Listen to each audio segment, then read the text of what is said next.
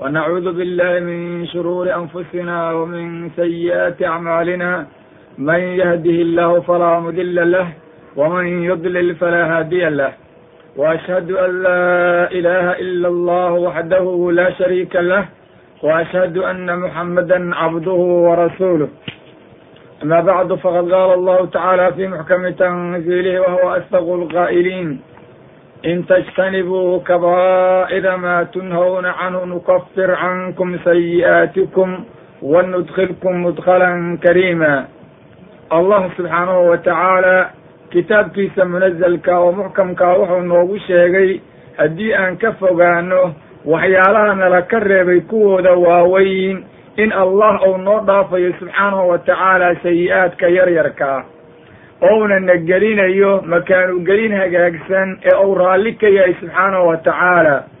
Axad walboo muslima waxaa laga doonayaa kolka inuu iska ilaaliyo nafsadiisa ka dhowro dunuubta waaweyn ee kabaa'irta ah ee carada rabbi ay ka ratimayso oo ciqaabka lagu mutaysanayo adduunka iyo aakhirada labadabana lagu dulloobayo allah subxaanahu wa tacaala ayaan weydiisanaynaa inuu sawaabta iyo sida toosanna haleeshiiyo.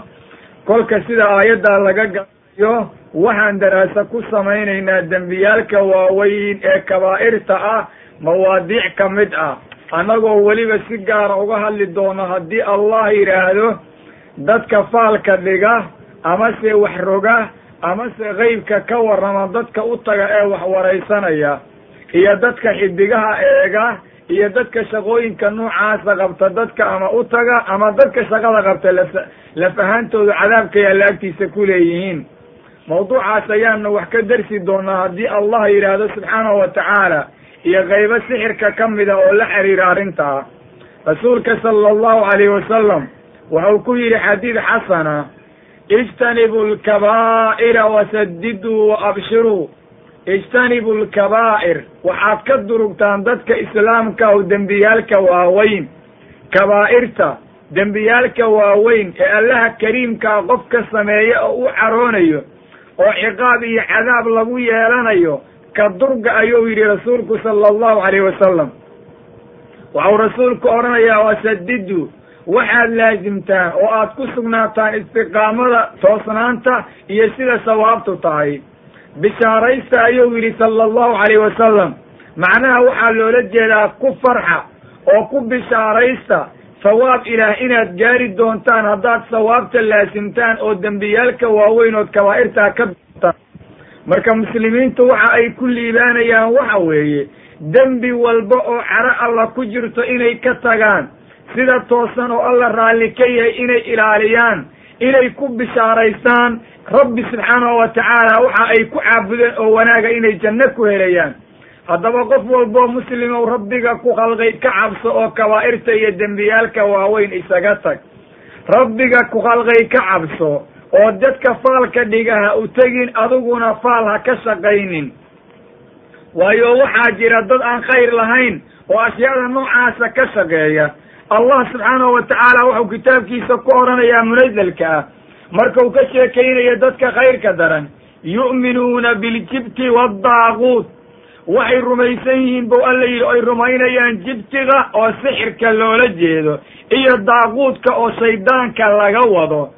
Waxa uu ku fasiray ninka jaabir la yidhaha dawaaqiidda waa dadka ayagu curaafiyiinta ah oo ama faalka dhiga ama xidigaha eega amase yidhaahda ashyaada dhexdoodaan wax uga jeedaynaa oo shayaadiintu ku soo degato oo shayaadiintu wax u sheegto dadka noocaasa dadka warkooda aamina waa dadaan iimaan lahayn waa dadaan khayr lahayn waa dadaan alla agtiisa wanaag u oolin haddaysan waxaa ka laabanin. Marka axadkii islaamnima qalbigiisa ku jirto waxaa iska ilaali oo rabbigaa ka cabso subxaanahu wa tacaala rasuulka sala allahu calayhi wasalam waxayaa laga weydiiyey dadka ayagu wax sheega inay mararka gobol ru sheegayaan. Rasuulka sala allahu calayhi wasalam caaisha waxay tidhi sa'ala rasuula allahi sala allahu calayhi wasalam unaasun cani ilkuhaan rasuulka sala allahu calayhi wasalam dad ayaa waxay ka waraysteen dadka kuhaanka ah. Kuhaanka waxaa loola jeedaa dadka ayagu ka warrama qeybka iyo waxa qarsoon oo ama yidhaahda xidig baan eegoo waxaasan ka arkay ama yidhaah dhulkaan faal ku dhigo waxaasaan ka arkay. Ama yidhaahdo tusbax ayaan lulo waxaasaan ka arkay. Ama yidhaahdo shilin iyo caano cad baan fiiriyo waxaasaan ka arkay. Dadka noocaasa xaaladooda ka waran ayaa nabiga lagu yidhi sala allahu alayh wasalam rasuulku waxau ku jawaabay laysuu bishay. Wax ay ku sugan yihiin iyo wax ay diin leeyihiin iyo waxay iimaan gacanta ku hayaan ma lahan buu yidhi. Salawaatu ullahi wasalaamu calayh kolkaas ayay yidhaahdeen yaa rasuula allah inahum yuxadisuuna axyaanan bishayin fayakunu xaqa. Dadkaasu adiga yidhi shay kuma sugna oo waxooda dhambeen weeye awqaadaha gobol way noo warramayaan. Waxa wixii ay noo sheegaanna sidii ay u sheegeen ayay noqonayaane bal ka waran rasuulku wuxuu yidhi sala allahu calayh wasalam tilka alkalimatu min alxaqi yaxfaduha aljinnu fayaquruhaa fii uduni waliyi taasu waa kelimo xaqa ka mid ah oo uu jinnigu soo xifdiyey xagga malaa'igta inta ka soo maqlay ee dhegta asaga weligiisa shaydaankaa uu ku riday. Shayaadiinta ayaa waxay ka soo maqleen xagga malaa'igta waana kelimo xaq ah. Markaabay qofkay ku adeeganayeen u keeneen buu yidhi salawaatu ullahi wasalaamu calayh. Waxyaalaha markay sheegaan siday u sheegeen u dhacaya waa sidaa markay kelimadaa xaqaa loo sheego fayakhliduuna macahaa mi'ata kidba boqol beenood ayay ku darayaan buu nabigu yidhi. Salawaatu ullahi wasalaamu calayh. Waa boqol beenood ayay halkii kelimo runtaad ku darayaan. Halkii maalin oo hadal run a laga helay ayayna dadku weligood daba soconayaan ay leeyihiin waa awliyo maalin heblo waxaa sheego sidii bay wuxuu u dhaceen. Saas bay dadku odhanayaan khayr darradaas ayay ummaddu weligood wadayaan. Wa rabbigiina ka cabsada. Ee lowyaalka ah ee wafaalka dhiga ama waxyaalaha ka warrama wax ay ku sugan yihiin iyo wax ay yaqaaniin iyo waxay kala og yihiin midna ma lahan. Wax ay diin iyo islaamnimo ku sugan yihiinna ma lahan oo ayaga iyo diintu waa kala labo. Beenaalayaal weeye wax aysan garanayn bay ka warrameen cilmi aysan lahayn bay sheegteen shayaadiin inay yihiinna waad garanaysaa. Xadiidka isaga waa muttafaq oo bukhaari iyo muslim baa soo saaray. Waxauna noo caddaynaya inay nimankaasu khayr daran yihiin malaa'igtu markay saxaabka samada ku sheekaysanayaan ayay shayaadiintu waxa ay sheegayaan ka soo maqlaan. Markaas ayay u soo sheegi jireen qolada ayaga curaafiinta ah. Kolkaasaa qofkii faalka dhigaya ama shaydaanka ay war ou sheegay maalin baa run noqonaya. Halkii maalin ee uu runta sheegay oo kelimadii xaqahayd oo ku warramay dadku weligood daba haynayaan. Maalin ba u yidhi roobaa da'ayo roob baa da-y maalin ba yidhi islaantaasi wiil bay dhalaysaa wiil bay dhashay. Saas bau yidhi waa weli bay leeyihiin baktiga iyo qurunka kaloo wada uma jeedayaan. Maxaa yeele shaydaan baa waxaan qurxinaya. Waxa noocaasu diin maahan rabbi ha laga bogo subxaanahu wa tacaala hana laga durgo.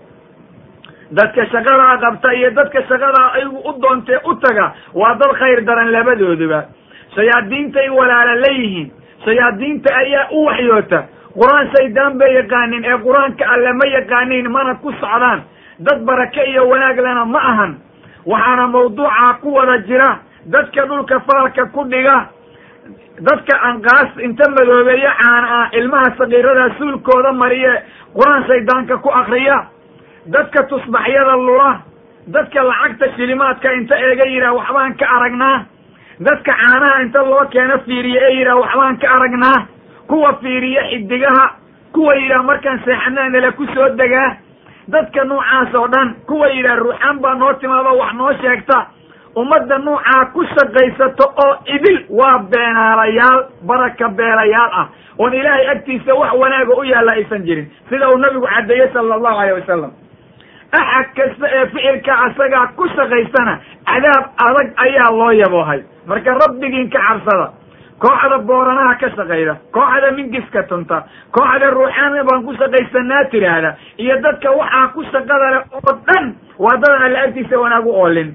Haddaysan ficilka ka tooba keenin. Qofka muslimkaa waxaa loo ogol jinka iyo shayaadiintu markay qof ku dhacaan inuu qur'aanka alla ku akriyo rabbi magan galo alla u baryo laakiin waxaa kaloo la samaynayaa bakti weeye. Waxay diinta ogashoo meel ay ku qoran yihiin la yaqaanana ma lahan. Ee rabbi ha laga boqo subxaanahu wa tacaala oo yaan xagga la layicin. Diinta islaamka waxaanan yaan diin laga dhigin oo aan kitaabka alle lagu cayaarin. Waxa uu yidhi rasuulka sala allahu alayh wasalam man ataa caraafan fasa'alahu can shayin fasadaqah lam tuqbal lahu salaatu arbaciina yawma axad alla axadkii caraaf u taga. Caraafka waxaa la yidhaha qofka ama faaliya ama wax sheega. Waa qofka yidhaahda alaabtii la xaday meeshay taallaan garanaya. Waxaasu siday yihiin baan aqaanaa. Ama qofka u sheega cudurka kuugu dhacay sidaa weeyaan qofka caraafka ah ee ama faalka dhigaya ama xidigaha eegaya ama tusbaxa lulaya ama shilinka cad eegaya ama odhanaya inta sexda yani ruuxaan igu soo degtay. Intaa shaqo kamida qofkii u taga dadka nuucaa ku shaqaysa qof kamida ee shay su'aala ee shayga uu su'aalay markuu u sheega ka rumaysta lam tuqbal lahu salaatu arbaciina yawma afartan beri salaada lagama aqbalo. Rasuulka alle sidaas ayuu odhanaya sala allahu alayh wasalam waxa aan salaada laga aqbalayn waa maxe waa afartan beri ayaan salaada laga aqbalayn waxa laga aqbalayo iyo wax laga yeelayo midna ma jiraan. Bal haddaba arag arrintu sida ay tahay marka dadka islaamka o rabbigiin ka cabsada oo dadka noocaasa ha u teginina oo waxa su'aalanina oo sheekaha ka dhegaysanina oo beenaalayaalo weeye ka durga oo dadka shaqadaa qabtow rabbigiin u tooba keena qeybka ilaah baa oge haddaad khayr iyo wanaag doonaysaan. Xadiidka isagaa muslim baa soo saaray. Rasuulka sala allahu calayhi wasalam wuxuu xadiidkaa noogu caddeeyey caraaf qofkii u taga oo wax waraysta oo warkiisa yeelaa inaan salaad laga aqbalaynin.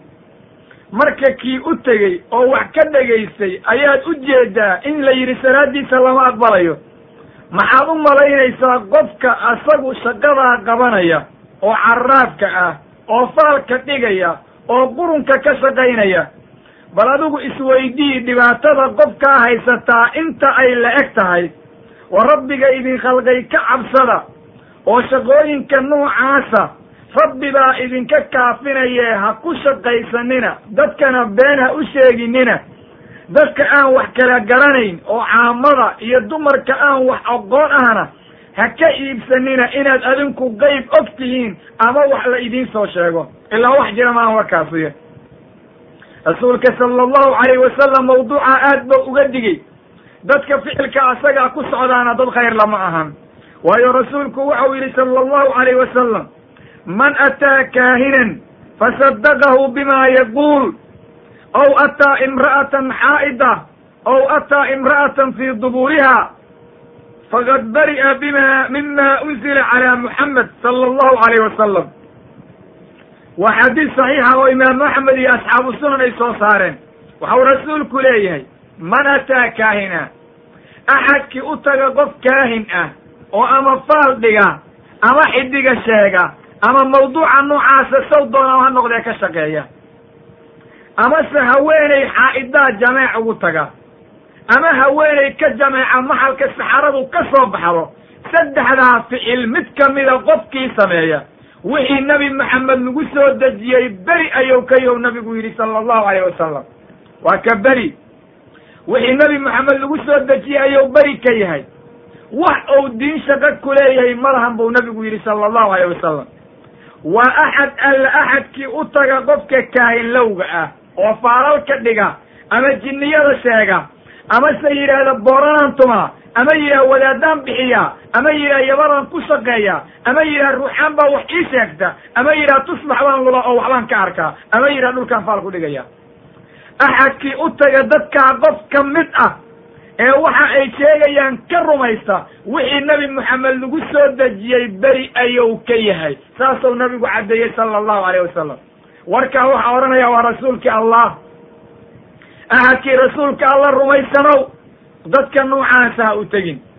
Dadka shaqadaa qabtow haddaad rasuulka rumaysan tihiin qofkii wax idinka dhegaystay ayaa la yidhi diinta ayou beri ka yahay adinku waad ka sii xaggaydaan waa ka sii gaalnimo badan tihiin.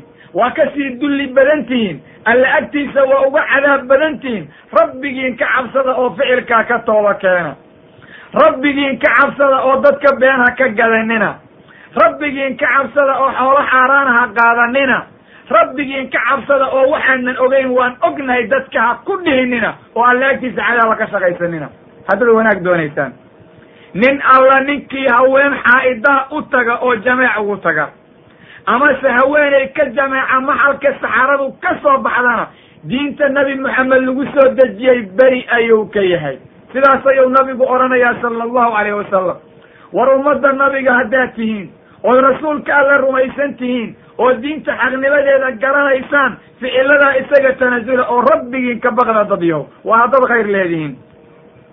Xadiidka isagaa waa saxiix imaamu axmed iyo asxaabu sunan ayaa soo saaray. Saan horaba u sheegnay.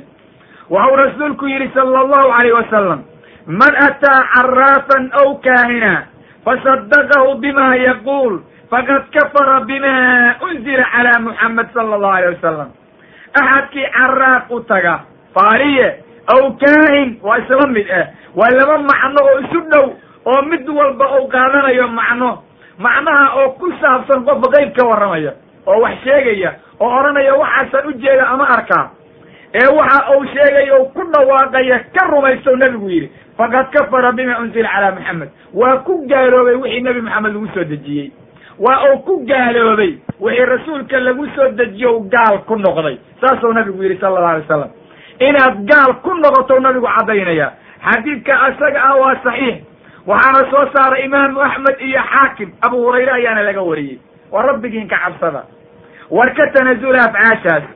War dadka islaamnimada sheeganaya o diintana ka been sheeginina. War haddaanan muslimiin dhaba ahayn oonan isaga tegayn faalka oonan isaga tegayn qurunka oonan isaga tegayn xidigaha aad kala guraysaan maalmaha aad kala xulaysaan waray cibaado alla idinka aqbali maaye ogaada.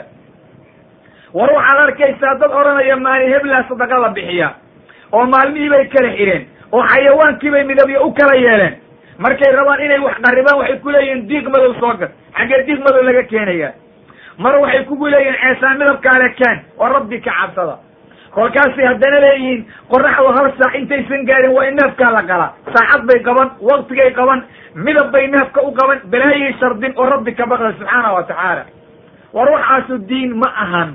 Islaamkuna ma qabo. Dadka ku shaqaystaa muslimiin ma ahan. Rasuulkii allaha ka anfiyey sala allahu alayh wasalam waxauna rasuulku sheegay inay ku gaaloobeen wixii asaga lagu soo dejiyey. Waa ku gaaloobeen waxaa gaalnimada ku xakumaya waa nabigii alle sala allahu alayh wasalam cid kale ma ahan. Marka haddaba axad walba oo khayr alle ka doonaya oo doonaya rabbi naxariistiisa inuu helo cadaabna ka badbaado waa inuu iska ilaaliyaa mawaadicdaas waa inuu mawaadicda noocaasa iska ilaaliyaa. Rabbigii waa inuu u dhowaadaa diinta islaamkana waa inuu ku socdaa. Haddausan yeelin waxau la kulmi doonaa dulli dulli ayuu la kulmi doonaa. Dadka noocaasa xoolaha ay qalaan waa xoolo aan xalaal ahayn. Maxaa yeelay jinni bay u qalaan ee alla darti uma qalaan. Xoolaha markay gowracaan waxay ku yidhaahdeen duulal ay sheegayaan bay dhahaan dhiigga ka duuqa oo ceshada sida kuwa ay ku sheegaan yabarada sida kuwa ay ku sheegaan mingiska iyo booranaha sida waxa ay wadaadda u yaqaaniin oo dadka ay ka tabcayaan say sheegayaan xoolaha dariiqyadaasi lagu bixiyaa waa bakti. Rasuulka alloo ka sheekaynayana waxau yidhi sala allahu alayh wasalam malcuunun man saba abaa naxariista qof laga durjiyey oo la lacnaday weeye axadkii aabbihi caayey malcuunun man saba umma. Waa mid la lacnaday oo naxariista laga durjiyey qofkii hooyada caayey oo lacnaday malcuunu weeye ku la lacnaday oo naxariista alle laga durjiyey man dabaxa ligayr illah alla kayrkii qofkii wax u galay. oo xoolaha ou galay rabbi waxaan hayn u galay. ama ha u galo jinni ama ha u galo shaydaan kale. axad kasta ee neef galay. neefka markau galayana sadaqa ou ilaahay darti ula jeedo wax aan ahayn ay qalbiga uga jireen naxariista alle qof laga durjiyo weyu nabigu yidhi. salawaatu ullahi wasalaamu calayh naxariista allaa laga durjiyey oo cadaab baa lagu sallidayaa oo alle agtiisa wanaag kuma lahan taas ayuu caddaynayaa nabigu sala allahu alayh wasalam waxau rasuulku yidhi malcuunun man gayara takuumu lardi naxariista alla axad laga durjiyo weeye xuduudaha ou dhulku leeyahay qofka dooyaya oo dhul ausan lahayn sheegta ama meel qof loo cabiro iska leeyahay xoog uga qaata sida minashibiya iyo waxa lamidka ah. Malcuunun man kamaha acmaa can dariiq waa mid la lacnaday oo naxariista laga durjiyey qof indhoolaha qofkii dariiqa ka lumiya. Axad indhoolaha haddaad dariiqa ka lumiso naxariista alle waa lagaa durjiyey. Alle agtiisa cadaab adag baad ku leedahay. Qof walbau sidaa garo. Malcuunun man waqaca calaa bahiima. Waa mid malcuuna oo la lacnaday. Xayawaanka bahiimadaa qofkii haween ka dhigta. Ilaa dad baa jira lo-da haween ka dhigta ama dameerka amase xayawaanka o dhan ba. Walciyaadu billah bani aadamku waxay samaynayaan waxyaa badan weeye malcuunun man camila bicamali qawmi luud naxariista alle mid laga durjiyo weeye axadkii camal falay qawmuluud nimanka la yidhaha camalkooda. Qawmuluud maxay samayn jireen nimankay haween ka dhigan jireen. Ragga ayugaa iskori jiray dumarka inta xagga iska dhigeen. Dadka noocaasa waa la lacnaday. Naxariista alle ayaa laga durjiyey. Alle agtiisana cadaab iyo musiibo adag bay ku leeyihiin. Xadiidka asaga ah waa xadiid sanadkiisu oo wanaagsan yahay marka duruqdiisa la jamciyo waxau leeyahy albani waa saxiix waxaana soo saaray axmed waxauna ku sugayay saxiixu ljaamic muslimiintaw rabbigiin ka cabsada. War rabbigiin ka cabsada. War wanaagga ku dadaaloyaan caro alla idinku dhicin ee ha u dhowaanina mawaadicdaas. War waalidkiina ha caayinina. War xoolaha alla kayrkii ha u qalinina. Oo sayaadiin iyo wax daran ha u gawricinina. War dadka dhulkooda ha ka dulminina war qofka aan indhaha qabin waddada ha ka leexinina. Meel aan diintu jirin dadka ha u tilmaaminina. Xayawaanka ha ku cayaarinina. Oo ayaan xayawaanka haween laga dhiganin. Raggu yaysan liwaad isku samaynin. Qadiyadahaas waa qadiyada alla ka caroonayo. Dadka sameeya caro allaha ku dhacda ciqaab bayna leeyihiin ee muslimiinta u ka durga. Oo rabbigiin ka cabsada. War islaamnima hadday jirta diintan ha lagu camal falo oo waxa rabbi diidaya ha laysaga tago war haddaan sidaa la yeelin lama liibaanayo. Rasuulka sala allahu calayh wasalam waxau noo sheegay dadka ayagu ama faalka dhiga oo waxaa ku shaqeeya ama waxaas dadka ku shaqeeya dadka wax ka yeela. Labadooda qoloba inay ku gaaloobeen wixii nebi maxamed lagu soo dejiyey. Salaadana aan laga aqbalayn safka horeba weligood ha ku jiraan. Axad kasta ee faal iyo sixir ku shaqeeya wax laga aqbalayo cibaadaha ma jiraan. Sida uu nabiga alla cadeeyey sala allahu alayh wasalam marka rabbigiin ka cabsada oo xaqa ilaaliya. War diintan islaamka ku socda. War rabbigiin ka baqda oo galadaadka isaga taga. Rasuulka sala allahu alayh wasalam waxa uu yidhi alciyaafa waddayra waddarqu min aljibti xadiid abu daawuud oo sanad wanaagsan ku qora ayuu sidaa ku yidhi alciyaafa ciyaafada dayrada iyo darqigu jibtigay ka mid yihiin. Bal haddaba saddexdooda ayaan fasiraynaa ciyaafada waxaa la yidhaha dhulka wax lagu qoro faalka dhulka lagu dhigayo ama anqaasta suulka lagu qorayo iyo waxa kaloo la qorqorayo la leeyahay waxbaa looga jeedaya qofka nuucaa ku shaqeeya nooc sixir ayuu la yimid weeye. Dayrada waxaa la yidhaha baasaysiga oo qofku yidhaahdo waxiblan layga raacay. Wax u baasayso oo balaayo ka dhigto sixirkay ka mid tahiyo shaydaanka shaqadiisa. Dardiga waxaa la yidhaha shimbirka la haafinayo ama se aqalkaaga oo gariir ama bahalla ku soo degeen oo aad tiri waa mayt heble iyo waxeble ama shimbir geed saaran oo qori lagu tuurayo. Haddau dhinaca midig u haado barakaa jirta iyo khayr bay kuleeyihiin haddau dhinaca bidix u duulana baas iyo balaayaa jirta ayay kuleeyihiin ashyaada noocaas waxay ka mid yihiin sixirka rabbi oo uga caroonaya dadka. Axadka lagu helaana ou dhaalim yahay. Marka qofka muslimka aho afcaashaa wax ka mid a ha qabanin. Dadka qabanayana ha xariirinin. Ehel iyo walaala ha ka dhiganin. Khayr iyo wanaag malahana dhinaca iska gey oo ka durug taas ayaa lagaa doonaya. Laakiin daa'iman inaad dadkaa hoos orodid oo aad dad wanaagsan u aragtid khayr darrada ayay ka mid tahay ee rabbigiin ka cabsada. Subxaanahu wa tacaala war yaan diintan lagu cayaarin war waxaan alla raalli ka yaan diin laga dhiganin oo alla ka baqayo subxaanahu wa tacaala. Waxaad arkaysaa nin dhan oo weyn oo qaymo inuu leeyaha lagu malaynayo ee islaan siday xataa dharka u xidhata aan garanayn inta u taga odhanaya wax ii sheeg oo waxyaalaha gobol weydiinaya war rabbigiin ka baqda subxaanahu wa tacaala. War waxaa dadka muslimiinta lagama ogolaa diinta rasuulka sala allahu calayhi wasalam waxau sheegay inay aad u khayr daran yihiin dadkaa faalka dhigaya dadka u tegaya kuwa faalka dhigayaana ay khayr daran yihiin. Islaamnimo iyo diinna inaysan gacan isku haynin. Hadday dukadaan hadday soomaan haddayse ka bixiyaan hadday yidhaahdiin muslimiin baa nahay wax laga yeelayaa ma jiraan. Inta ay faal iyo waxa la sheegaya aaminsan yihiin. Ama ay ku shaqaynayaan ama dadka ku shaqaynaya inta u tagaan ay wax ka yeelayaan qofka waxau leeyaha waan xanuunsadoo nin jiran boqol u teli dadka qurunkaa ka shaqaynaya ayay u tegayaan markaabay wax ka yeelayaan. Waxa laga yeelo waxaa ka mid ah qofka xanuunsanaya marka loo geeyo dadka sayaadiinta la shaqaystee noocaasa. Waxay leeyihiin qofka halkaa ha la joojiye neef weyn ha la soo gado neefkii marka la soo gado waa la gawrici dhiiggiisa ayaa waa loo dhigi qofkii ayaa la cabsiinayaa. Oo la leeyahay jinniyada kugu jira cabaya cab marka uu sidaa u cabo ayaa la leeyahay marka waa la daweyn. Bal dhiigga rubadda waa waxa alla ou xarimay waxa ugu xaaraansan buu ka mid yahay. Hilibka khaansiirka iyo asaga isku meel buu alla ku sheegay. Marka dhiig neef la gowracay laga ayay rubadiisa axad ka cabay hilib khaansiir qof cunaya asagu waa isla mid. Maxaa yeelay allah waxau noo sheegay inamaa xarama calaykum almaytata waddama walaxma alkhinsiiri wamaa uhilla bihi likayr illah rabbi wuxuu dushiina ka xarimay waxyaalaha baktiga ah iyo dhiigga rubadda xayawaanka la gowracay ka soconaya iyo hilibka khaansiirka iyo waxa marka la gowracayo aan magac alle lagu gowricin. Afartaashay si gaara ayuu alla u xarimay. Qur'aankana in badan buu alla ku soo celceliyey. Nabiguna wuu caddeeyey sala allahu alayh wasalam wax kasta oo naftu ka baxday ayadoon gawrac sharciga lagu samayn. Iyo dhiigga rubadda iyo hilibka khaansiirka iyo xayawaanka marka la gowracayo magac alle magacaan hayn lagu soo qaado meesha waxa uu allah odhanaya xaaraam weeye. Dushiina waa laga xarimay. Marka khaansiirka dadka qasha ee karsada iyo dhiigga rubadda dadka dadka siiya waa isla mid. Wax ay ku kala bedelayiin maahan. Waxaad maqlaysaa nin odhanaya gaaladu khaansiir bay cuntaa isaguna waxau dadka cab cabsiiyaa dhiigga rubadda. Maxaad ku kala bedelantihiin gaalku khaansiir buu u cunay.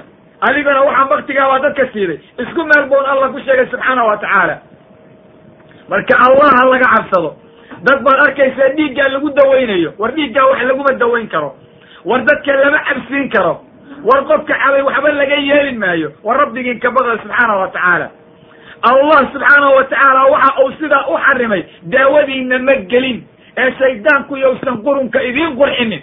Waayo allah baa yidhi wazayana lahum shaydaanu acmaalahum. Shaydaanka ayaa camalkooda qurunka u qurxiya dadka. Fasadahum cani sabiili fahum laa yahtaduun dariiqa xaqa ayuu ka xigsaday. Weligoodna ma hanuunayaan wanaagna ma qaadanayaan. Maxaa yeele ma rabaan? Maba u soo jeedaan. Marka rabbi ka cabsada subxaana wa tacaala oo wanaagga ilaaliya. War xaaraanta isaga taga war xaqa ku socda oo waxa alla raalli ka keliya la imaada. Haddaad doonaysaan wanaag. Allah subxaanahu wa tacaala wuxuu kitaabkiisa munazalkaa ku sheegay inuusan hanuunin qoonka mujrimiinta ah. Sidaa darteed qof walbo waxaa nafsadaada ka ilaalidaa mujrimnimo iyo xadgudub. Mujrimnimadana waxay tahay keliya waxa weeye nusuusta inaad u hoggaansami weydo ood xaqaa dhab u qaadan weydo kuna dhaqmi diido oo marka laguu sheego diinta aad si kale u aragtid oo aad tidhaahdo anaa la iila jeedaya maxaa aniga wax la iiga sheegayaa nusuusta haddii ay qalad aad ku jirto kuu sheegto waa inaad ka hartaa. Nusuustana waa inaad ayada u hoggaansantaa ood ayada ka amar qaadataa. Haddaad tahay qof muslima taas ayaa lagaa doonayaa. Axad walbow dadaal oo rabbigaa ka cabso xaqu sow yahay ugu soco. Rasuulka sala allahu alayh wasalam wuxuu yidhi man iktabasa cilman min annujuum iktabasa shucbatan min asixri zaada maa zaad waxau rasuulku leeyahay sala allahu alayh wasalam axadkii soo qaata ama qalin daarta ama qaata qayb ka mida cilmiga xidigaha lagu faaliyo oo wax looga sheego waxau qaatay qayb sixirka ka mid ah intou siyaadsadaba ha siyaadsado wax alla wixii cilmiga xidigaha uu ka kororsadaa waa sixir sixir baa u kordhaya waa haddau cilmiga xidigaha dadku wax uga sheegaan oo wax ka mida qaato. Laakiin xidigaha hadduu u barto inuu ku kala barto hawo yani jihooyinka kaas waa qayb la garan karo.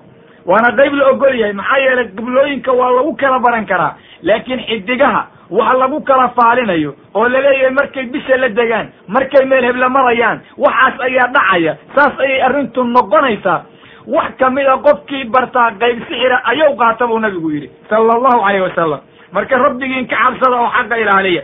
Xadiidka abu daawuud baa ku soo saaray sanad saxiixa ee allaha laga boqo oo xaqu sawyay ha loogu socdo oo xumaatada kulligeed ha laysaga tago. Haddaad adduunka iyo aakhirada wanaag doonaysaan. Marka muslimiintow rabbigiin ka cabsada oo kitaabka alle iyo sunnada ilaaliya oo sixirka iyo xumaatada isaga taga oo faalka iyo xidiga barashada aad ku faalinaysaan iska deeye aad adduunka iyo aakhirada liibaanteen labadaba eh. Rasuulka sala allahu calayhi wasalam nujuumta cilmigeeda wuu ka digey wuxuuna uga digay xadgudub in lagu sameeyo oo ay dadku yidhaahdeen xidig hebel markau bisha meel heblo la marayo waxa ayaa yimaada. Sida ay dad badan u yidhaahdeen xidig la yidhaah dirir ayaa jira bisha hadduu samada bartankeeda ku qabto dhinaca koofuro ka mado ka maro sanada barwaaqo ayay noqonaysaa bay kuleeyihiin hadduu dhinaca waqooyi ka marana sanadu abaar bay noqonaysaa ayay kuleeyihiin xaggay ka ogaadeen kitaabkaysa ka soo akriyeen inay shayaadiin yihiin. Oo aysan dad khayr la ahayn wa rabbi ka baqla subxaanahu wa tacaala. Xidiga waxaa jira ay yidhaahdeen hadday soo baxaan habeenka ay soo baxaan ilmihii calool galaa ilmo barakaysan oo khayr badan bay noqdaan yaa u soo akriya xaggay ka ogaadeen. War arrimahan ha laysaga tago oo rabbi ha laga boqo subxaanahu wa tacaala. Xidigo ayaa jira ay yidhaahdeen haddii ay dhacaan waa beriga. Oo ay waa beriga yacni waktiga la gaaro ay dhacaan. Qofkii waktiga asaga ah waxyaalaha qaarkood sameeya dhibaataa soo gaaraysa yaa u sheega waxaa waxaa jira laba iyo toban xidig oo ka soo qaateen xidigaha oo ay leeyihiin burji baa lagu xisaabaho waxbaa lagu ogaadaa. Xaggay ka keeneen. Waxaasoo waxau reebay can thamani lkalbi wa mahdiyi wa xulwaani lkaahin eyga lacagtiisa iyo haweenta zaaniyadda xoolaha ay zinada ku qaadato. Waxau kaloo rasuulku reebay sala allahu calayh wasalam axadka kaahinka ah oo asagu ama wax faaliya ama se qaybka ka warrama xoolaha uu ku qaato. Xoolaha sidaa lagu siiyaa xaaraam weeye mana laga qaadan karo waa bakti. Yaanna xoolaha la qaadanin bau rasuulku yidhi sala allahu calayh wasalam xadiidka bukhaari iyo muslim baa soo saaray marka dadka muslimiinta u duruqyada xoolaha xaaraamtaa lagu kasbada ka taga. Oo dariiq xaaraana waxaa ku kasbanina. Oo xaqa ha ku cayaarinina. Oo wax rabbi diidaya ha samaynina. Oo kitaabka alle dadkiisa noqda aad adduunka iyo aakhirada dulliga ka baxdeena. Axad alle axadkii hanuunka qaata ee ku socda rabbi wuu u gargaarayaa subxaanahu wa tacaala. Waxuuna allah gaadhsiinayaa liibaan aad u weyna badan adduunka iyo aakhirada labadaba marka rabbigiin ka cabsada oo kitaabka qur'aankaa sida ou yahay ugu soc oo kulligeed isaga inaad guulaysataan. Muslimiinta sagaala oo rabbigiin ka cabsada oo isaga fogaada waxyaalaha qaybiyaadka oo laga warramayo. Waxaa marka la mida ashyaada aan sheegnay sixirka. Sixirka shayga la yidhaaha laysaga durgo. Waxauna allah yidhi walaqad calimuu laman ishtaraahu maa lahu fi alaakhirati min khalaaq way ogaadeen yuhuudda iyo dadka kaleba. Axad alle axadkii sixirka qaata oo iibsada oo sixirka ku shaqaysta ama faal iyo wax lamida ku shaqaysta inuusan aakhiro wax nasiib ah oo khayr ah oo naxariis allah uusan ku lahayn saasuu alla yidhi subxaana wa tacaala. Arrinkaa way ogaadeen bu alla yidhi. Marka bal ka warran xaaladda ayadaa siday u taallo. Dad alla dadka ku shaqaysta mawaadicdaa way garanayaan wax nasiiba inaysan laagtiisa ku lahayn ha layska ilaaliyo allaha laga boqo subxaana wa tacaala rasuulka sala allahu alayh wasalam wuxuu yidhi ijtanibuu asabca almuubiqaat waxaad ka durugtaan oo nafsadiinna ka ilaalisaan toddobada dembi oo mid kamida qofka sameeya uu ku halaagsamayo waa toddoba dembi oo wax haligta oo mid kamida qofka ku sameeya halaag ku dhacayo. Musiibana ay ku habsanayso. Toddobadaa dembi ha layska ilaaliyo ayuu yidhi. Salawaatu ullahi wasalaamu calayh qaaluu yaa rasuula allah wamaa hunna rasuulka allow dunuubtaasu maxay yihiin toddobadaa lagu halaagsamayo oo musiibada weyn ummadda ay ku noqonaysa waa maxee rasuulku wuxuu yidhi sala allahu calayh wasalam ashirku billah allah oo loo shariig yeelo waa midda ugu horraysa waa in rabbi loo shariig yeelo oo rabbi wax uu iska leeya qolo kale loo meeriyo rabbi waxdaaniyadiisa oo la inkiro risaalada nabiga loo soo dhiibay oo la inkiro ama diinta wax kamida oo la inkiro ayaa shirki ah. Shirkiga waxau kaloo noqonayaa rabbi kayrka adoo barya adoo tala saarta adoo ka baqanaya adoo diinta alle waxaan hayn xakun wax lagu xakuma ka dhigta. Noocyada shirkiga wax kamida iska ilaaliya ayuu yidhi. Maxaa yeeley ka dunuubta in loo dhaafaa laga yaaba laakiin shirkiga maya. Shirkigana waxaa wax kasta oo diinta islaamka looga baxayo wax kasta oo diinta islaamku kaa xarimtay haddaad xalilatid waad ku gaaloobaysaa wax diinta islaamku kugu waajibaya haddaad inkirtid waad ku gaaloobaysaa shirki ayaadna ku jirtaa. diin aan leedahana ma lahan. marka rabbigiin ka cabsada subxaana wa tacaala. qadiyadda labaad waa wasixru sixirka. sixirka iska ilaaliya ayuu yidhi sala allahu calayh wasalam sixirku anwaac fara badan buu u qaybsamaa. mawduuca aan ka soo hadlayno faalka iyo waxa lamidkaa sixirka ayay ka mid yihiin sixirka waa shay xumaan badan. Dadka ku shaqaysta naxariista allah laga durjiyey dadka loogu shaqeeya naxariista allah laga durjiyey in lagu gaaloobayana allah sheegay subxaanahu wa tacaala. Waatou alla yidhi wamaa kafara sulaymaan walaakina shayaadiina kafaruu nabi sulaymaan ma gaaloobin oo sixir kuma shaqaysan. Laakiin shayaadiinta ayaa gaalowday oo sixirka ku socotou alla yidhi subxaanahu wa tacaala. Sixirku waa shay xun. Waa shay alle ka caroonayo waa shay cadaab adag lagu kasbanayo. Waa shay caro alla ku jirto oo rabbigiin ka cabsada. War rabbigiin ka cabsada. War iska ilaaliya. War sixirka ha u dhowaanina. War diinta ha la yicinina. War kitaabka alla ha ku tumanina. War miyaanan cuquul lahayn. War miyaanan dareemayn diinta islaamku sida ay tahay. War rabbi ha laga cabsado subxaanahu wa tacaala. Qadiyadda saddexaad waxa weeye wa qatlu nafsi alatii xarama allahu ilaa bixaqi in la dilo naftii alla ou kaa xarimay dilkeeda xaq inaad ku dilaysa maane axad dilkiisa ou rabbi kaa xarimay dilkiisa waa mamnuuc inaad xaq ku dilaysa maane maanta waxay ka mid tahay ashyaada sahlan oo qofka layska dilayo sida dilku u sahlan yahay sida dhacu u sahlan yahay sida ummadda loo dhibayo. Maanta waxaad arkaysaa shirkigii iyo sixirkii iyo dilkii dadka kulli waa la banaystay waana waxa lagu halaagsamayo waxaa rabbi maanta ummadda joogta cadaabka ugu sallidana waa nuucaas waa rabbi ha laga bogo oo dhiigga bani aadamkaa la iska deeyo. Waryahan dadka lagu xadgud war qof baad arkaysaa la dilayo loo dilayo famil hebel ayuu ka dhashay oo dagaal naga dhexeeyo. War waxaa diinta islaamku ma ogolaa ee rabbi ka cabsada subxaanahu wa tacaala. Qadiyadda afaraad waxa weeye wa akli riba ribada cunitaankeeda. Ribada in la cunaa waa arrin mamnuuca oo xaaraam ah axadka ribada cunaana rabbigii qof ka durgay weeye waayo rasuulku waxau caddeeyey hal dirham oo ribo ah oo adoo og aad cuntid soddon iyo lix jeer sino la galay waa ka xun yahay salawaatu ullahi wasalaamu calayh marka dadka muslimiintaa waa inay ogaadaan rabbiga rasaaqa inuu arsuqayo hadday ribada iska deeyaan ee ribada ha la iska deeyo wa akli maal alyatiim agoonta maalkeeda oo la cuno weeye mawduuca shanaad agoonta xoolaheeda oo la cuno. Xoolo agoomeed oo la cuno. Dad masaakiina oo laga aabbaho dhintay xoolahooda la cuno. Maanta lama daryeeyo xoolahooda la dhacaya. Iyo watawalli yowma zaxfi. Cararid la cararo diinta islaamka. Marka dadka isku haya ay iska hor yimaadeen oo muslimiin in laga cararo goobtaas. Oo qofka uu ka cararo sabka muslimiinta dhinaca gaalo cararo carara isaga dhanba. Waa arrin khatar ah mawduuca toddobaad waxa weeye wa qadfu lmuxsanaati alkaafilaati almu'minaat in zina lagu tuuro oo wax laga sheego gabdhaha muxsanaadka oo zinada ka dhowrsana cafiifaadka ah oo kaafilaadka ah oo halmaansan wax kasta oo macaasiya oo mu'minaadka oo allah si dhaba u rumaysan dadka noocaasa in wax laga sheego oo zina lagu tuuro toddobada dembi oo lagu halaagsamay ka mid tow nabigu yidhi sala allahu calayh wasalam bal toddobadaa dembi maanta dadka jiraa siday u haystaan ka warrama. Iyo sida loo banaystay shirkiga sida looga daba ordayo ilaahay qayrka loo baryayo ama diinta alla loogu cayaarayo. Sixirka sida loogu shaqaysanayo ee bakti iyo balaayo la isaga daba wareejinayo. Dhiigga islaamka sida loo banaystay muslimiintii barna loo dilay barna loo dhacay barna jaalalka loo seexiyey.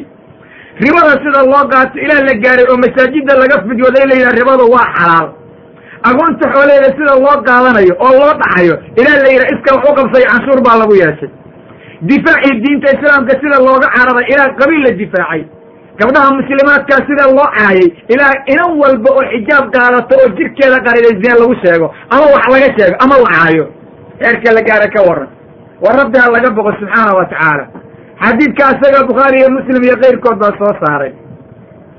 Waxyaabaha uu nooga digay waxaa ka mid a sixirka sixirku waa mawduuc xun. Waana mawduuc salka ku haya dadkii faalka iyo baktiga dhigayey waktigii cumar ibnu khadaab waxaa la dilay dad suxara ah. Waxaa saxiixulbukhaari soo saaray. Bajaala ibnu xabdi ninka la yidhaha inuu yidhi. Cumar ibnu khadaab wuxuu soo qoray an iqtuluu kulla saaxirin wa saaxira. Waxaad dishaan nin kasta oo sixirow ah iyo naag kasta oo saaxirad ah. Wuxuu yidhi kolkaa faqatalnaa talaata sawaaxir waxaan dilnay saddex qofood oo sixiroolayaal ah. Saddex qofood oo sixirka ka shaqayda ayaan dilna buu yidhi. Marka sixirku waa shay xun waana shay aan muslimiinta laga ogolayn waana shay qofkii lagu helo oo diinta islaamka uga baxayo. Waa shay aada u khayr daran. Muslimiinta waxaa laga doonayaa inay ka durgaan sixirka iyo waxa la xidhiidha oo kuhaanka iyo shaygii aan loo baahnayn ah. Rasuulka sala allahu calayh wasalam waxau caddeeyey axad alla axadkii ka kuhaannimo sameeya oo isagu wax faaliya iyo midka loo faaliyo midka sixira iyo midka wax loo sixiro iyo midka kaahin u tagay warkiisa rumeeya kulligood inay ku gaaloobeen wixii nebi maxamed lagu soo dejiyey wax kasta oo nebi maxamed lagu soo dejiyey sala allahu calayh wasalam waa ku gaaloobeen salaad baan laga aqbalayn cibaadaan laga aqbalayn ducaan laga aqbalayn naxariis ayaysan lahayn ficilka ay ku sugayeen haddaysan ka tooba keenin waana afcaal aada u khayr daran. Marka rabbi ha laga boqo subxaana wa tacaala oo diintan islaamkaa lagu socdo wardadii ow tooba keena wardadii ow qurunka ka laabta wa rabbigiin ka xabsado xaqa ilaaliya ay adduunka iyo aakhirada guulaysateen labadabeed.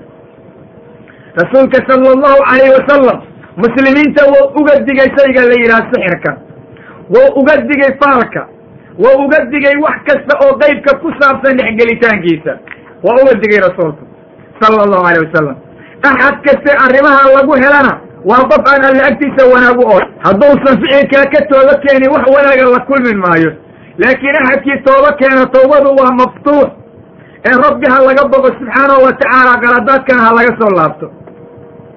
Rasuulku waxau yihi sala allahu calayh wasalam man jaa yacbud allaha laa yushriku bihi shay-a axadkii yimaada isagoo rabbiga caabudaya oon alle u shariig oon cid kale cibaadada ugu darayn wa yuqiimu asalaata wa yu'tiya zakaa oo salaada hagaajinaya oo sakada bixinaya wa yasuumu ramadaan bisha ramadaanka la yidhaahna asagoo sooman yimaada oo ramadaanka soomaya wayastaqi lkabaa'ir dembiyaalka waaweynna ka dhowrsada oo qaybaha aan soo daraasayna ay ka mid yihiin fa ina lahu ljanna janno ayaa u sugan buu yidhi salawaatu ullahi wasalaamu calayh hadalka rasuul ka dhegayso axadkii yimaada isagoo rabbigii caabudaya oo rabbigii si dhaba u caabuda oo shirki iyo ilxaad iyo xumaan oo dhan isaga taga oo rabbigii cibaadadiisa gooni uga dhiga oon alla mooye cid kale ka amar qaadan oo diintu sida ay tahay ugu dhaqma salaada alla hagaajiya holihiisa sekada ka bixiya bisha ramadaanka la yidhaah sooma oo qurunka oo idilka sooma waxyaalaha kabaa'irta la yidhaah oo dembiyaalka waaweyn oo dhanna ka dhowrsada axadkaa jannaa u sugan. Janno ayuu leeyahay ayuu nabigu yidhi sala allahu alayh wasalam saxaabadu waxay rasuulka ku yidhaahdeen kabaa'irta maxaa la yidhaah? Rasuulku waxau yidhi sala allahu alayh wasalam kabaa'irta waxaa ka mid ah alshraaku billah wa qatlu nafsi lmuslima wa firaaru yowma zaxfi allah oo loo shariig yeelo qof muslim ah oo aan wax u kaa galabsaday la arag oo la dilo iyo in laga cararo difaaca diinta islaamka lagu difaacayo. Arrimahaas ayaa kabaa'irta ka mida buu yidhi sala allahu alay wasalam qofku waa inuu arrimaha ka durgaa waana inuu ka tagaa saas ayaa la doonayaa. Marka qofku hadduu sidaa yeelo ee uu rabbigii ka baqo subxaanahu wa tacaala wuu u gargaaraya alla agtiisa jannaw ku leeyahay muslimiintaw rabbigii ka cabsada. Kabaa'irta iyo dunuubta waaweyn isaga taga shirkiga iyo ilxaadka isaga taga xadgudubka iyo dilka muslimiinta isaga taga sixirka iyo faalka isaga taga dhibka muslimiinta iska deeya oo wanaagga ku dadaala janno alla gasheene xadiidkaasna waa saxiix. Waxaana soo saaray imaamu axmed nasaa-i ibnu xibbaan iyo xaakim waxaana laga wariyey nin la yidhi abi ayuub. War dadka islaamka maa wanaagga aragtaan. Maa khayraadka ku dadaashaan ood rabbigiin ka cabsataan subxaanahu wa tacaala war qofka aan rabbigii ka amar qaadanin oo aan diinta islaamku sida ay tahay ugu soconin dhibaato weyn bow alla agtiisa kala kulmayaa. War sixirka iyo dulliga ka durga. War dhibka islaamka ka durga. War wanaagga ku dadaala. Rasuulka sala allahu calayh wasalam wuxuu yidhi abgadu nnaasi ila allahi halaata alla xaggiisa waxaa dadka loogu nacay badan yahay oo rabbi ou dadka ugu caro badan yahay saddex qofood yay kala yihiin saddexdu mulxidun fi lxaram xaramka dhexdiisa qofka ilxaadka ku sameeyey. Maxaa loola jeedaa mulxid fi lxaram alladii yartakibu fiih maa xarama allah. Xaramka dhexdiisa qofkii kula yimaada wixii ou rabbi ka xarimay. Axadkii xaramka dhexdiisa ku sameeya waa alla makhluuqa qof dadka ugu necbay u ka mid yahay. Haye xaramka allah. Axadkii wax ku xada ama ku dilaysa ama dad ku dila ama islaamka ku dhiba ama xadgudub o dhan ku sameeya waa noocaan bal ka waran maanta dadka ayaa gudihiisa laga tarxiilaa dhib baa loogu geystaa. Subxaanaka ya ilaahay. Dadka xajiya oo ayagu xadka aada lafahantooda dadka way ku tuntaan siday u badan yihiin. Iskama ilaaliyaan. Markaabaa la jirin oo xusullada lagu dirin marka la dawaafayo. Oo qofka halkaa lagu feerin xoolaha laga goosanaya walciyaadu billah. War waxa kan waa yaab war dad islaamnimo sheeganaya oo dhiigga bani aadamka uusan waxba kula fadhin oo qofkay doonaan oo muslima dilaya oo siday doonaan u dhaqmaya war allaha laga boqo.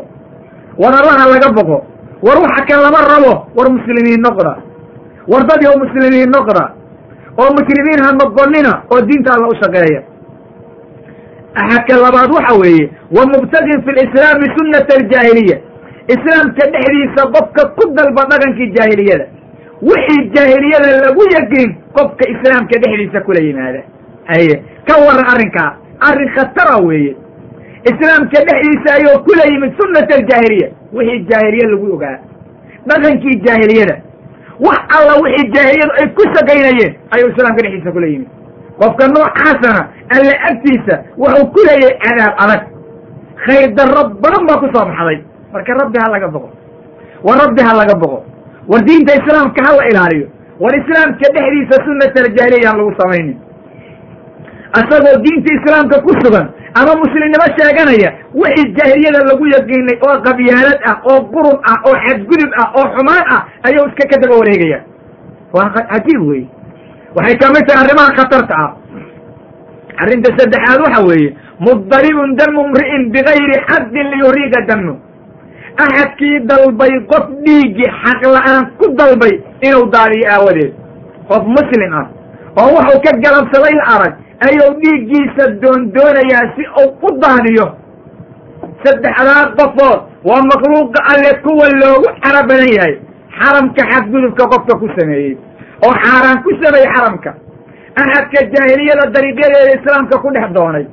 Qof muslima oo waxuu ka galabsaday aan la arag qofka dhiiggiisa doondoonanaya inuu daadiyo makhluuqa alle kuwa loogu necbiha weeye ayuu nabigu yidhi sala allahu alayh wasalam sidaasuu rasuulku odhanaya marka rabbigiin ka cabsada oo diinta islaamka ilaaliya war xadgudubka ka taga war dadka islaamka ayaan la dhibin war yaan qurun la banaysanin war yaan islaamka lagu xadgudbin.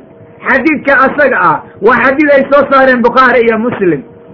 Waxauna ka sheekaynayaa qofka muslimkaa in looga laga doonayo xadgudub kulligii inuu ka tago wax kastoo rabbi uga caroonayo waa inuu ka fogaado. Rasuulku waxau yidhi sala allahu alayh wasalam kullu dembin casa allahu an yakfira dembi kasta alla waxuu xaqiiqa ku yahay inuu man maata mushrika aw qatala mu'minan mutacamida.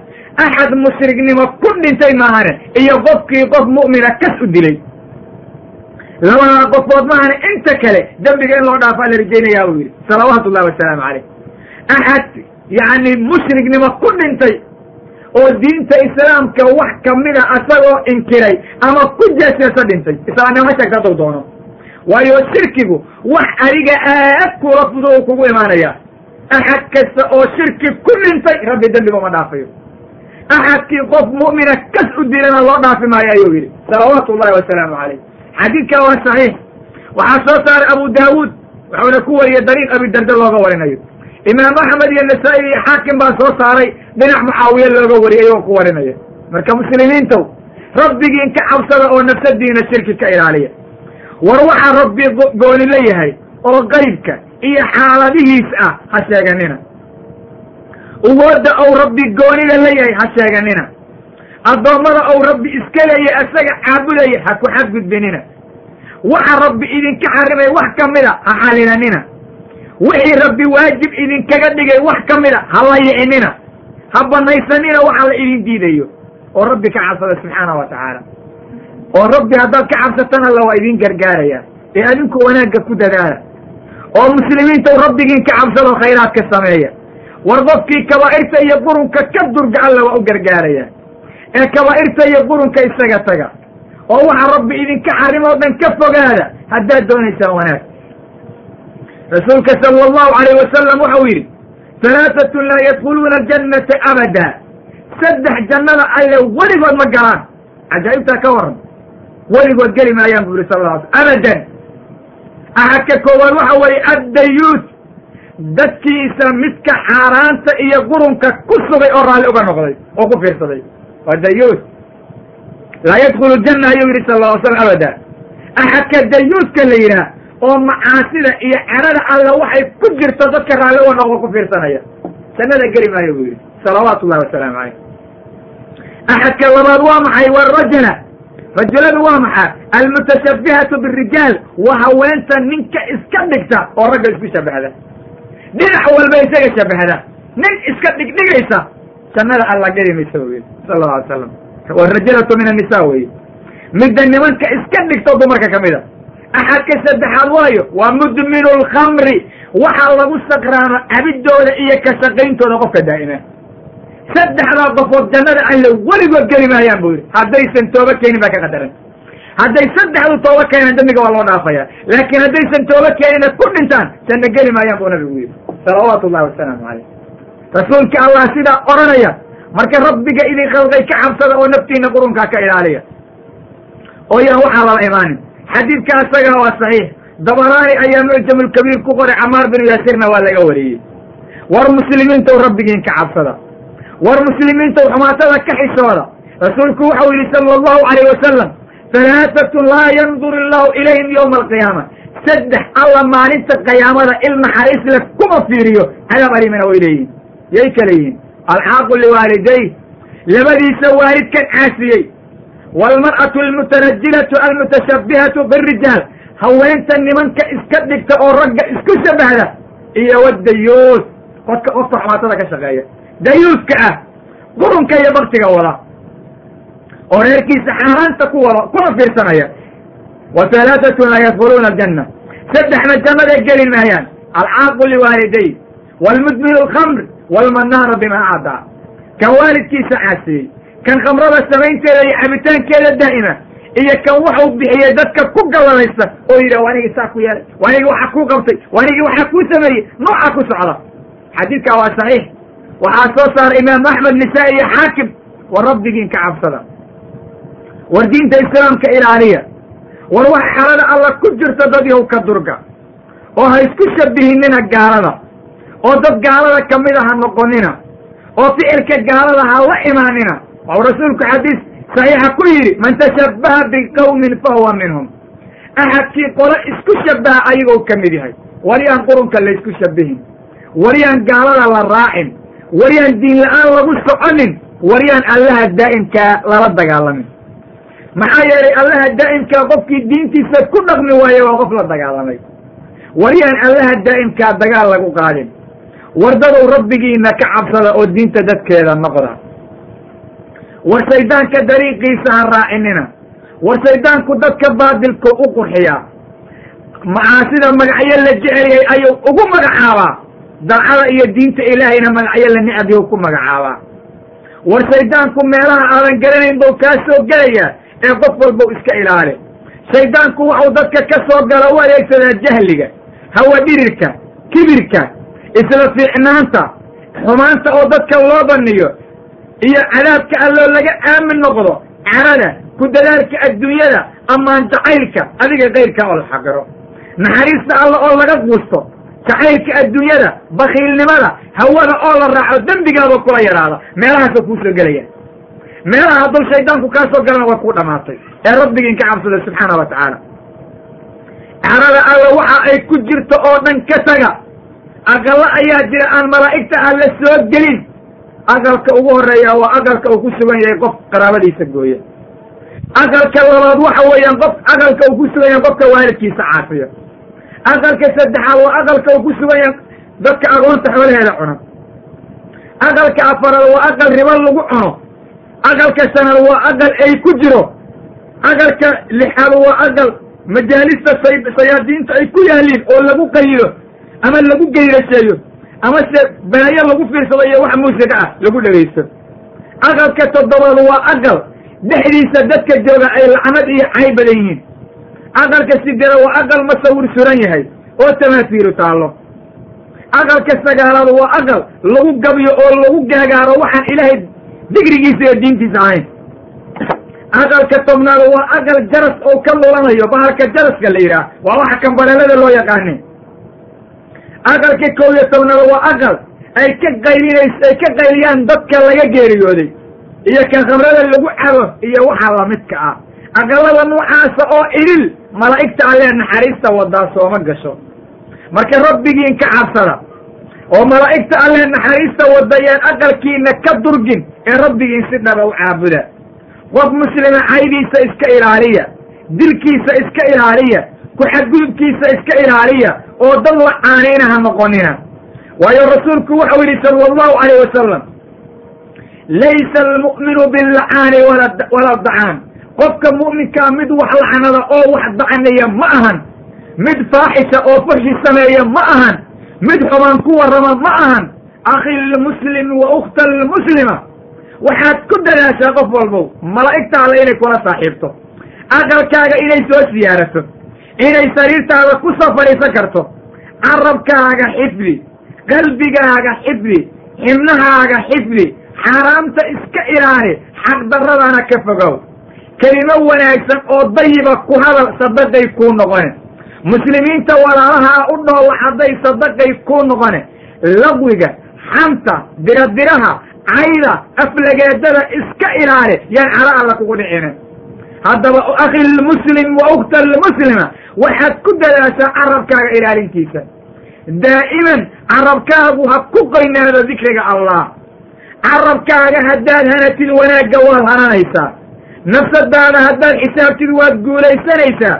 Caradaada qari muslimiinta iska cafi dariiqa jannada loo marasaa weeye ku dadaal. Waayo allah wuxuu yidhi wasaaricuu ilaa makfiratin min rabbikum jannatin carduha asamaawaatu waalardu ucidda lilmuttaqiin war waxaad u degdegtaan dadka muslimiinta ahow makfiro iyo dembi dhaaf xagga rabbigiin ka ahaaday iyo janno cardigeedu isu jiro samaawaadka iyo ardada oo dadka rabbi ka cabsada loo diyaariyey muttaqiinta ayaa la yidhaha aladiina yunfiquuna fi saraa'i wadaraa waa kuwa xoolahooda bixinaya markay barwaaqada ku jiraan iyo markay dhib ku jiro waalkaadimiina alkayda waalcaafiina can innaas waa kuwa caradooda qarinaya oo dadka iska cafinaya oo wanaagga ka shaqaynaya wallahu yuxibu almuxsiniin allahna dadka muxsiniinta waa jeceliy marka haddaba akhi lmuslim wa ukhta lmuslima awsaafta dadka jannada gala ay iska leeyihiin waa inay dhib iyo dheef wixii jiraba xooggooda iyo xoolada wax ka bixiyaan oo aysan naftooda ku bakiilin oo aysan cilmigooda ku bakiilin oo aysan xoolahooda ku bakiilin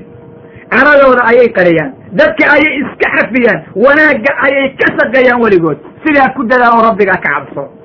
Sidaa ku dadaal oo rabbigaa ka cabso aad guulaysatide war diinta islaamka ilaaliya. War wanaagga ku dadaala. Rasuulku wuxuu yidhi sala allahu calayh wasalam laa yenbagii lisidiiqin an yakuuna lacaana waa xadiis saxiixa. Waxau rasuulku odhanayaa ma habboona qofka sidiiqa oo runlowga inuu lacaan noqdo oo ummadda lacnado oo uu qurun ka shaqeeyo waa inuu xamaatada diidaa. Waa inuu khayraadka ka shaqeeyaa waa inuu wanaagga ku dadaalaa. Waa inuu rabbigii ka cabsadaa waa inuu sida alla raalli keliya ku socdaa. Taas ayaa laga doonaya marka haddaba walaalayaal. Dad wanaagga ku dadaala aan noqono dad muslimiina oo walaal ah oo wanaagga isu sheega oo xumaatada ka taga aan noqono saxaabada nabiga yaan la caayin. Dadka dhintay yaan la caayin. Muslimiinta yaan lagu xadgudbin waalidka iyo qaraabada yaan la goynin diinta islaamka wixii maslaxa u aha lagu socdo. Oo ha laga shaqeeyo ayada. Axad walbow jaahiliyada dhaqamada lagu yaqaan iska ilaali camallada jaahiliyada lagu yaqaan waxaa ka mid ah in maydka loo qayliyo. Markuu dhinto. In nasabka layska duro oo qofka nasabkiisa la caayo. Iyo in xidigaha lagu roob doono oo la yidhaha xidig hadduu meebla ka soo baxo roob baa da'aya ashyaada noocaasa jaahiliyada lagu yaqaan. Waa waxyaalaha dadka aan diinta lahayn lagu yaqaan. Rabbigii ka cabsada waxa wax dhiba oo wax anfaca waa allah. Rabbi baa maalig ah rabbi baa naafic ah rabbi baa daari ah. Axad kale wax qaban karaa ma jiro. Marka addoommo alla noqda oo nafciga aad doonaysaan alla weydiista oo dulka aad ka baqanaysaan alle ka magangala oo diinta tan sidii rabbi u soo dejiyey ugu dhaqma oo waxaad deliishataan kitaabka iyo sunnada ka yeela adduunka iyo aakhiradana aad guulaysanteeni allah subxaanahu wa tacaala wuxuu noo sheegay inaan qeybka idaan isaga haynaysan ogeyn. Waayo wuxuu alla yidhi qul laa yaclamu man fi samaawaati waalardi algayba ila allah. Waxaad ku tiraa nebiyow dadka kan ma oga samaawaadka iyo ardada dhexdooda waxa ku xilan oo ku qarsoon. Allah mooye cid kaloo garanaysa ma jirto. Cid sheegan kartaan la arag cid odhanaysa annaga og baan la arag. Rabbi keliga ayaa cilmigaa la gooni ah marka qof walba cilmiga waa la iska leeya ha u deeyo. Wanaaggana ha ku dadaalo. Rabbina yaan alla kale lala caabudin. Maxaa yeelay jannada alla geli maayo saaxirka jannada alla geli maayo dadka ka shaqeeya qurunka iyo rabbi kayrka in la baryo. Allah ayaan weydiisanaynaa inuu diinta nagu sugo xaqa dad ku socdana ou naga dhigo. Haddaba dadka muslimiinta ahow rabbigiina ka cabsada diinta islaamka u shaqeeya xoolihiinana xaaraanta ka ilaaliya. Waayo qofka xaaraanta cuna ducadiisa lama aqbalo. Muslimiintana waxay gaalada uga guulaysana yihiin waxay cunayeen oo dhan ayaa xaaraan u batay. Xalaal miirashadii ayaa yaraatay geeridii ayaa la halmaamay. Dhibaatadaasu markay dhacdana ciriiriga maanta meel walba ka yimid ayaa nagu yimid. War si aan ciriirigaa uga baxno aan rabbi ka baqanno subxaanahu wa tacaala aanna ogaano allah subxaanahu wa tacaala inuu nagu yidhi yaa ayuha aladiina aamanuu itaquu llah waltandur nafsun maa qadama ligadin waataquu llaha ina allaha khabiirun bima tacmaluun oo cid walba laga doonaya waxa ay berri gaysatay inay ka fakerto qof walbana laga doonaya rabbi inuu si dhaba uga boqo axad walbana waa inuu ka fiirsadaa waxa calada rabbi ku jirto waa inuu iska ilaaliyaa kana durgaa qof walbow naftaada geeri ku xisaab oo rabbigaa ka baq oo diinta ilaale oo xumaan oo dhan isaga tag. Allah baan weydiisanaynaa sawaabta iyo sida toosa inuu nawaafajiyo allahuma aciza alislaama waalmuslimiin wansur cibaadaka almuwaxidiin waadilla ashirka waalmushrikiin wadamir acda'aka acda'a diina yaa rabba alcaalamiin allahuma aqim dowlata alislaami calaa wajhi ilardi kulliha wajcalnaa sababan laha allahuma arzuqnaa shahaadatan fii sabiilik اللهma اشتد وdأتك على الشhuuعية والسليبية والسhyuنية وكل mن xاaرب الدين